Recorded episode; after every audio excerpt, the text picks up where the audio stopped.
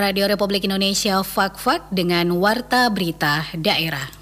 Tingginya kayu putih ini potensinya sudah cukup besar di Bombray, kurang lebih sudah di atas 20 hektar. Sehingga ya mau tidak mau ya kita harus mencoba, kemudian ya mungkin kita akan keluar melakukan studi-studi banding atau kajian-kajian bersama yang berpengalaman kebutuhan-kebutuhan masyarakat yang terkait dengan agama, terkait dengan ya keumatan, kemasyarakatan, berkaitan langsung dengan tugas dan fungsi eh, kami di Kementerian Agama, itu kami tidak bisa membatasi. Sesungguhnya terlalu banyak yang harus kami layani di sini.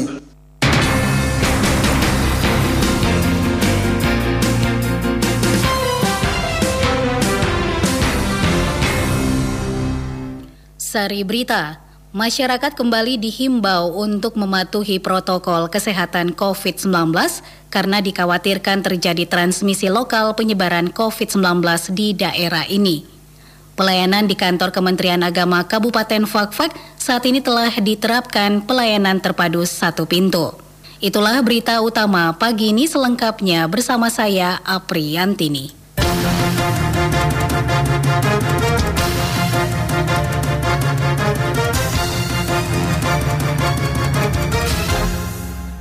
Saudara, masyarakat kembali dihimbau untuk mematuhi protokol kesehatan COVID-19 karena dikhawatirkan terjadi transmisi lokal penyebaran COVID-19 di daerah ini.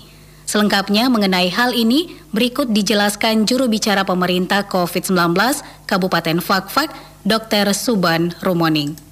Saya ingin menjelaskan tentang hari ini ada satu pasien dengan suspek COVID-19 yang meninggal dunia. Jadi pasiennya laki-laki usia 65 tahun, bertempat tinggal memang di daerah Piahar. Dibawa ke rumah sakit pada tanggal 12 pukul 7 malam. Kemudian masuk dalam keadaan memang sudah tidak sadarkan diri dengan adanya sesak nafas yang cukup memberat. Saat kami lakukan pemeriksaan tanda vital, memang pasiennya sudah dalam kondisi perburukan. Kemudian sesuai dengan protokol yang kami tangani di rumah sakit, kita lakukan pemeriksaan swab antigen, didapatkan hasil positif. Hasil positif memang tidak serta-merta langsungnya positif COVID, tidak. Karena pemeriksaan standar untuk memastikan orang COVID atau tidak adalah PCR. Tetapi swab antigen mempunyai tingkatan lebih tinggi daripada rapid yang biasa kita lakukan. Sehingga sensitivitas dari swab antigen 95% untuk positifnya. Sehingga kami lakukan protokol sesuai dengan protokol COVID, suspek COVID-19. Pasien kami pindahkan ke ruang isolasi, dijaga dengan dengan petugas dengan APD level 3 kita rawat di ruang isolasi pemberian oksigen tekanan tinggi 15 liter. Obat-obatan diberikan semuanya sesuai dengan protokol. Namun memang pada saat masuk pasien dengan komplikasi yang cukup banyak. Pasien yang meninggal dan memang sudah tidak sadarkan diri. Akhirnya masuk tepat pukul 2 siang pasien memang meninggal dunia. Nah sesuai dengan kondisi pasien suspek COVID maka yang harus kita lakukan adalah penanganan pasien atau jenazah sesuai dengan protokol COVID-19 hal pertama kami memanggil memanggil pihak keluarga untuk menjelaskan bahwa pasien telah meninggal dunia dan akan kami langsungkan protokol COVID untuk penanganan jenazahnya. Nah, keluarga setelah diedukasi menerima dengan baik, kemudian kami sempat membawa keluarga untuk melihat jenazah terakhir kalinya ke ruang isolasi rumah sakit, isolasi COVID rumah sakit. Setelah dilihat, kami lakukan pemulasaran jenazah sesuai dengan protokol COVID, menggunakan peti, kami lapis semuanya, penanganannya oleh tenaga medis sampai dengan tadi malam tepat pukul 9 malam pasien pasien dengan bantuan teman-teman dari gugus tugas, kemudian dari kepolisian dan perhubungan, kami makamkan sesuai dengan protokol COVID-19.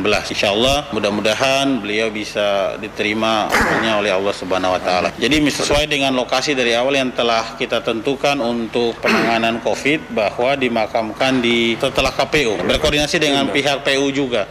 Oke, pasien bukan pelaku perjalanan. Okay, Kami tracking sebelumnya memang di rumah pasien dengan istri. Istri saat ini dalam kondisi sehat dan akan kami lakukan pemeriksaan secepatnya. Istri sudah juga melihat kondisi almarhum dan kami sudah menjadwalkan untuk pemeriksaan dan tracking selanjutnya untuk lokasi tempat beliau tinggal. Sehingga masyarakat sebenarnya tidak perlu panik. Protokolnya sebenarnya jelas. Ketika merasa kontak dalam dua minggu tidak ada keluhan, berarti selesai. Tidak perlu dilakukan pemeriksaan yang panjang lagi. Jadi merasa kontak dengan pasien, kemudian dalam dalam dua minggu tetapi tidak ada keluhan, selesai berarti. Tidak perlu pemeriksaan sana, pemeriksaan sini. E, pasien masuk sudah dalam keadaan tidak sadar, keluarga pasien juga bukan memang anak dan sebagainya. Itu akan kami evaluasi lagi terkait dengan hal tersebut. Termasuk berkomunikasi dengan dokter Beni, beliau harus membuka lagi catatan rekam medis sehingga bisa mendapatkan identitas yang benar. Apakah memang beliau yang berobat atau bagaimana? Dan saat itu apa keluhannya? Sampai dengan hari malam ini sekitar pukul setengah sebelas malam sudah masuk dan dirawat saat ini sekitar lima orang pasien. Lima orang pasien terakhir ada dua operasi seksosesaria pasien ibu hamil dengan kasus positif. Swab antigen, kemudian kita lakukan persalinan secara sesaria, setelah itu kita akan pindahkan ke ruang isolasi untuk pasien tersebut. Ada dua terakhir yang sedang menjalankan seksosesaria. Kondisi saat ini positif. Jadi sebelum melakukan, jadi protokolnya adalah sebelum pasien semua dirawat dan menjalani operasi akan dilaksanakan pemeriksaan swab antigen. Jadi setelah itu kita bisa tahu untuk menghindari penularan yang lebih, terutama ke tenaga medis. Jadi semua pasien dari pintu masuk, dari triase rumah sakit sudah dilakukan pemeriksaan dulu. Hari ini kami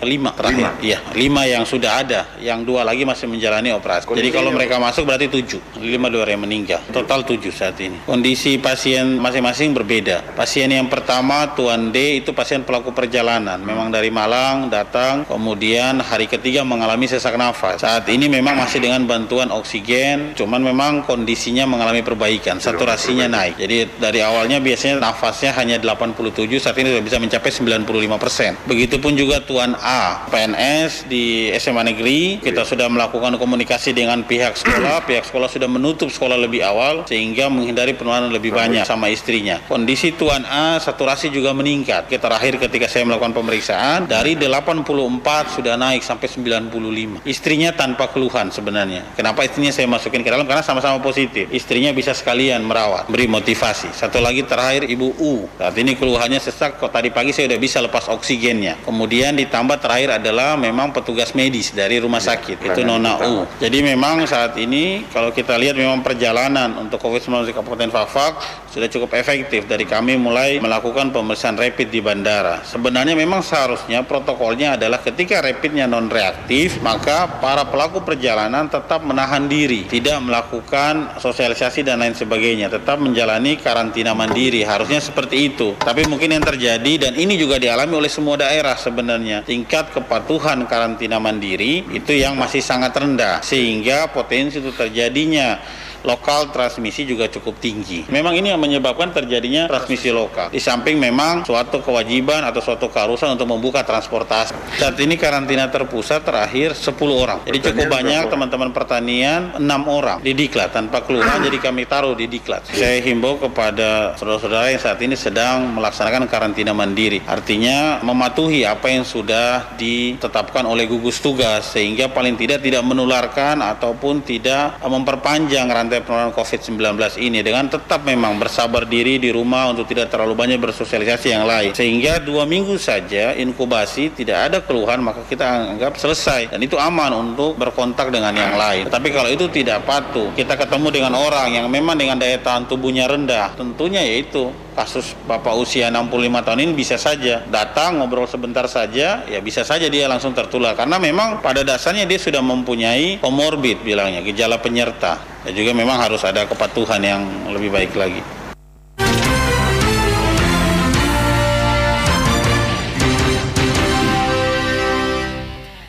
Sementara terkait kebijakan pemerintah daerah menyangkut penyebaran COVID-19 di daerah ini selengkapnya disampaikan Sekda Ali Baham Temong Mere.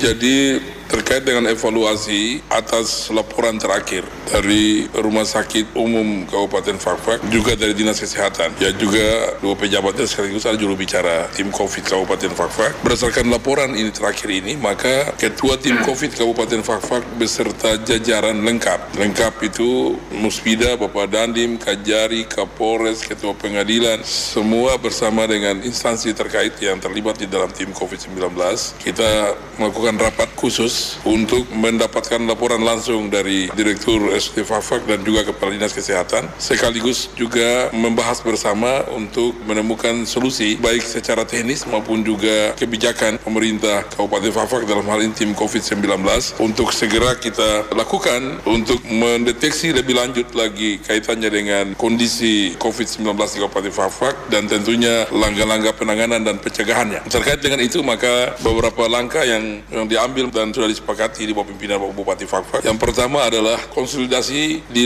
lingkup internal kesehatan, baik dari rumah sakit maupun juga kesehatan. Pembenahan penanganan di rumah sakit juga kaitannya dengan karena ini berhubungan dengan transmisi, maka berhubungan dengan masyarakat yang luas, maka bagaimana juga untuk efektivitas penanganan di tingkat puskesmas. Oleh karena itu, Sekda Sektor Pelaksana diperintahkan untuk uh, segera melakukan rapat bersama, khususnya tim kesehatan secara terpadu untuk membahas langkah-langkah teknisnya setelah rapat malam ini. Kemudian yang kedua, beberapa aktivitas yang juga dikhawatirkan nanti berdampak pada transmisi COVID di Kabupaten Fakfak, maka akan dikeluarkan surat keputusan Bupati yang mudah-mudahan nanti berlaku tanggal 17 November. Ya, itu kaitannya dengan bekerja dari rumah, baik oleh instansi OPD pemerintah daerah maupun juga dihimbau kepada instansi vertikal termasuk kepolisian dan TNI agar kita uh, sepakat bekerja dari rumah selama 14 hari. Ya, bekerja dari rumah ini kesempatan untuk kantor-kantor itu disinfektan dulu, disemprot lagi dulu. Kemudian dilengkapi dengan seluruh uh, alat-alatnya termasuk cuci tangan dan sebagainya itu disiapkan sehingga nanti setelah itu baru kemudian dikeluarkan lagi keputusan untuk kerja seperti biasa. Jadi selama 14 hari. Demikian pula kaitannya dengan sekolah. Maka resmi nanti akan sekolah dari rumah selama 14 eh, hari sejak tanggal 17 nanti dalam SK Bupati yang akan dikeluarkan. Selanjutnya terkait dengan penyebab lain COVID-19 Kabupaten Fafak adalah kaitannya dengan moda transportasi kita. Dengan demikian kita akan batasi lagi untuk moda transportasi kapal-kapal pelni. Ini juga akan kita batasi kembali hanya untuk penumpang dan dibolehkan atau diizinkan adalah pesawat terbang dan kapal belibis. Tentunya eh, satu pintu yang kita buka yaitu dari Sorong, yaitu pesawat maupun juga kapal. Itu kita buka untuk kedatangannya dari Sorong sehingga betul-betul itu kontrolnya teratur dan ini berlaku selama 14 hari ke depan. Setelah itu nanti kalau kemudian kita evaluasi lagi tentang Ini kebijakan yang malam ini diambil oleh Bupati Fafak termasuk kita benahi tentang karantina kita ya baik di Diklat maupun juga BLK. Bahkan kemungkinan kita akan mencari tempat penginapan yang tepat ya untuk kemudian kita tempatkan untuk kaitannya dengan pasien COVID. Bahkan bukan pasien COVID, mereka yang belum juga, tetapi kita agar bisa di- dipisahkan antara yang sudah reaktif dengan yang sungguhnya itu sudah pulih untuk kembali menjadi normal. Nah, terkait dengan ini maka kami minta kepada masyarakat semuanya, kita sudah bersama-sama menangani COVID ini dari bulan Maret sehingga sudah paham tentang COVID ini dengan baik. Oleh karena itu kalau ada langkah-langkah pemerintah tolong didukung. Misalnya nanti kita mencari tempat penginapan yang kemudian ini akan ditangani dengan baik jadi tidak akan terganggu dengan masyarakat lain, tidak ada masalah. Kemudian kepada seluruh masyarakat di Kabupaten Fakfak dari Karas 13 sampai dengan Tomagi Wamosa, eh, saya kira dengan apa yang kami jelaskan ini atau juga yang dijelaskan oleh Pak Direktur Rumah Sakit Fakfak eh, ini sudah menjelaskan pertanyaan kaitannya dengan kondisi COVID kita di Kabupaten Fakfak saat ini. Tentunya dari angka 51 yang sudah kemarin positif kemudian sudah sembuh, maka ini adalah data yang terbaru yang nanti kemudian data terbaru ini akan dilaporkan ya ke provinsi dan pasti akan keluar di data provinsi kita Papua Barat bahkan nasional tentang kondisi COVID di Kabupaten Fakfak ini. Kepada seluruh masyarakat juga kami berharap tidak ada cara lain yaitu tolong patuh kepada protokol COVID. Pakai masker, cuci tangan, jaga jarak, hindari kerumunan. Saat ini banyak sekali kegiatan-kegiatan berkumpul. Oleh karena itu kami berharap tetap harus menjaga dengan baik karena ini kita tidak tahu dengan kondisi saat ini ini dia sudah ada di mana kita tidak tahu. Oleh karena itu sekali lagi tetap harus cuci tangan, jaga jarak, pakai masker, hindari eh, kerumunan. Eh, bahkan dalam waktu dekat kita juga akan melakukan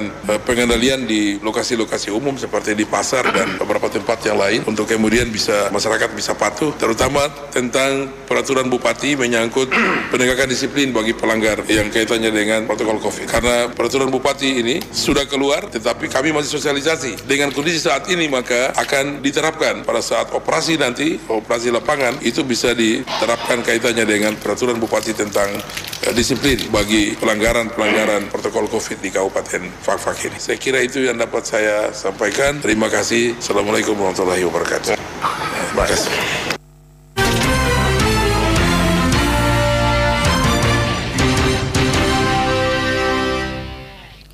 Dinas Perkebunan Kabupaten Fakfak akan terus berupaya dalam mencari hasil yang terbaik pada uji coba penyulingan tanaman kayu putih yang ada di distrik Bombray di tahun-tahun mendatang. Kepala Bidang Pengelolaan dan Pemasaran Hasil Perkebunan pada Dinas Perkebunan Kabupaten Fakfak, Syofian Syukur mengatakan, dari hasil uji coba yang dilakukan oleh tim Dinas Perkebunan Kabupaten Fakfak bersama dengan masyarakat dan kepala kampung yang ada di distrik Bombre, baik uji coba pertama maupun uji coba kedua, belum memperlihatkan hasil yang maksimal mengingat mesin penyulingan yang digunakan belum pernah dilakukan uji coba dengan bahan apa pun. Menurut Sofian Cukur, seharusnya sebelum melakukan uji coba penyulingan terhadap tanaman kayu putih, perlu adanya kajian-kajian terhadap tanaman tersebut. Sebab tidak semua tanaman kayu putih bisa mengeluarkan minyak.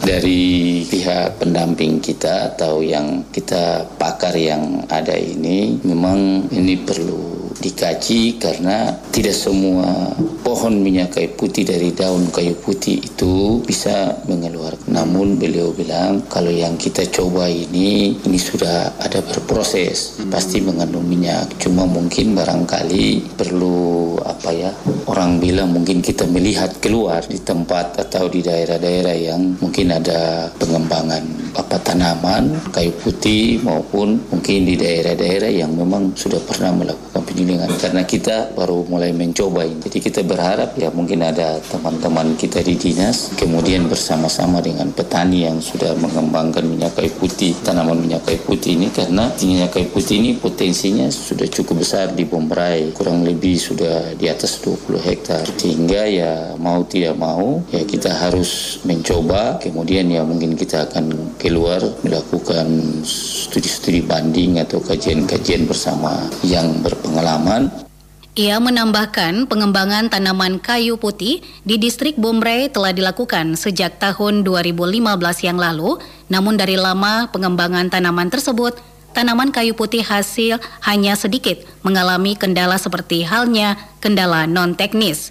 Meski hasil uji coba penyulingan tanaman kayu putih saat ini belum berhasil, namun pihaknya terus berupaya dengan memperbaiki sarana dan prasarana penyulingan sebab mesin yang digunakan bukanlah mesin penyulingan minyak kayu putih yang standar sesuai dengan alat penyulingan sebenarnya.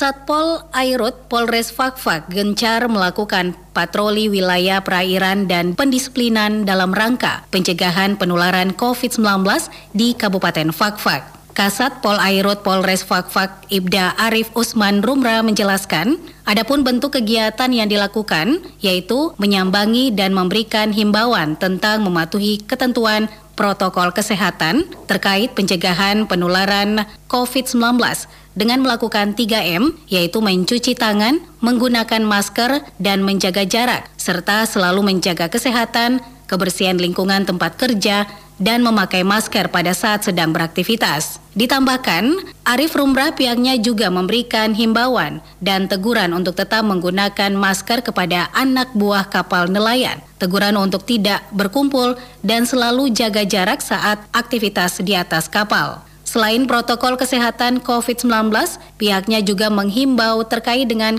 kelengkapan dokumen kapal dan alat komunikasi serta alat keselamatan berupa life jacket, radio komunikasi, karena berkaitan dengan kondisi cuaca yang tidak bersahabat akhir-akhir ini. Warta berita daerah tengah disiarkan Radio Republik Indonesia, Fak-Fak.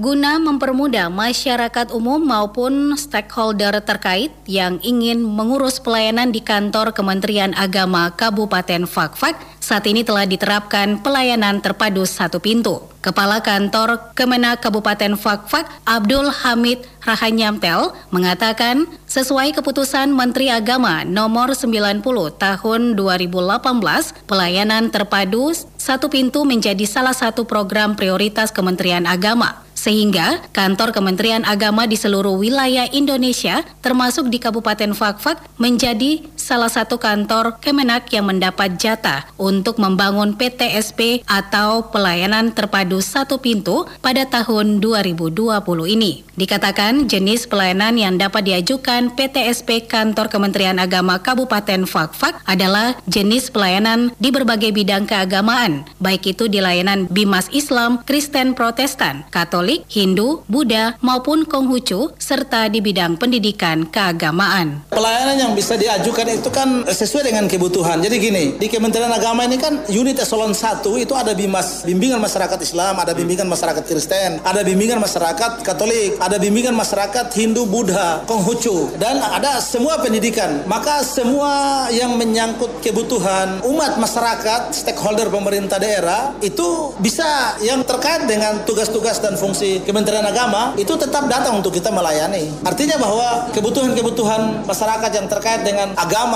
terkait dengan ya keumatan, kemasyarakatan, berkaitan langsung dengan tugas dan fungsi eh, kami di Kementerian Agama, itu kami tidak bisa membatasi. Sesungguhnya terlalu banyak. Ada masalah-masalah, masalah masjid, masalah gereja, masalah semua itu banyak sekali masalah keumatan, masalah kemasyarakatan yang harus kami layani di sini. Sementara kemudahan yang diberikan kepada masyarakat dengan kehadiran PTSP di kantor Kemenak Kabupaten Fakfak yaitu dapat mendekatkan pelayanan kepada masyarakat, menyederhanakan proses pelayanan, terwujudnya pelayanan publik yang cepat, mudah, transparan, pasti dan akuntabel dalam upaya meningkatkan hak-hak masyarakat terhadap pelayanan publik serta memberikan akses yang lebih baik kepada masyarakat untuk memperoleh pelayanan.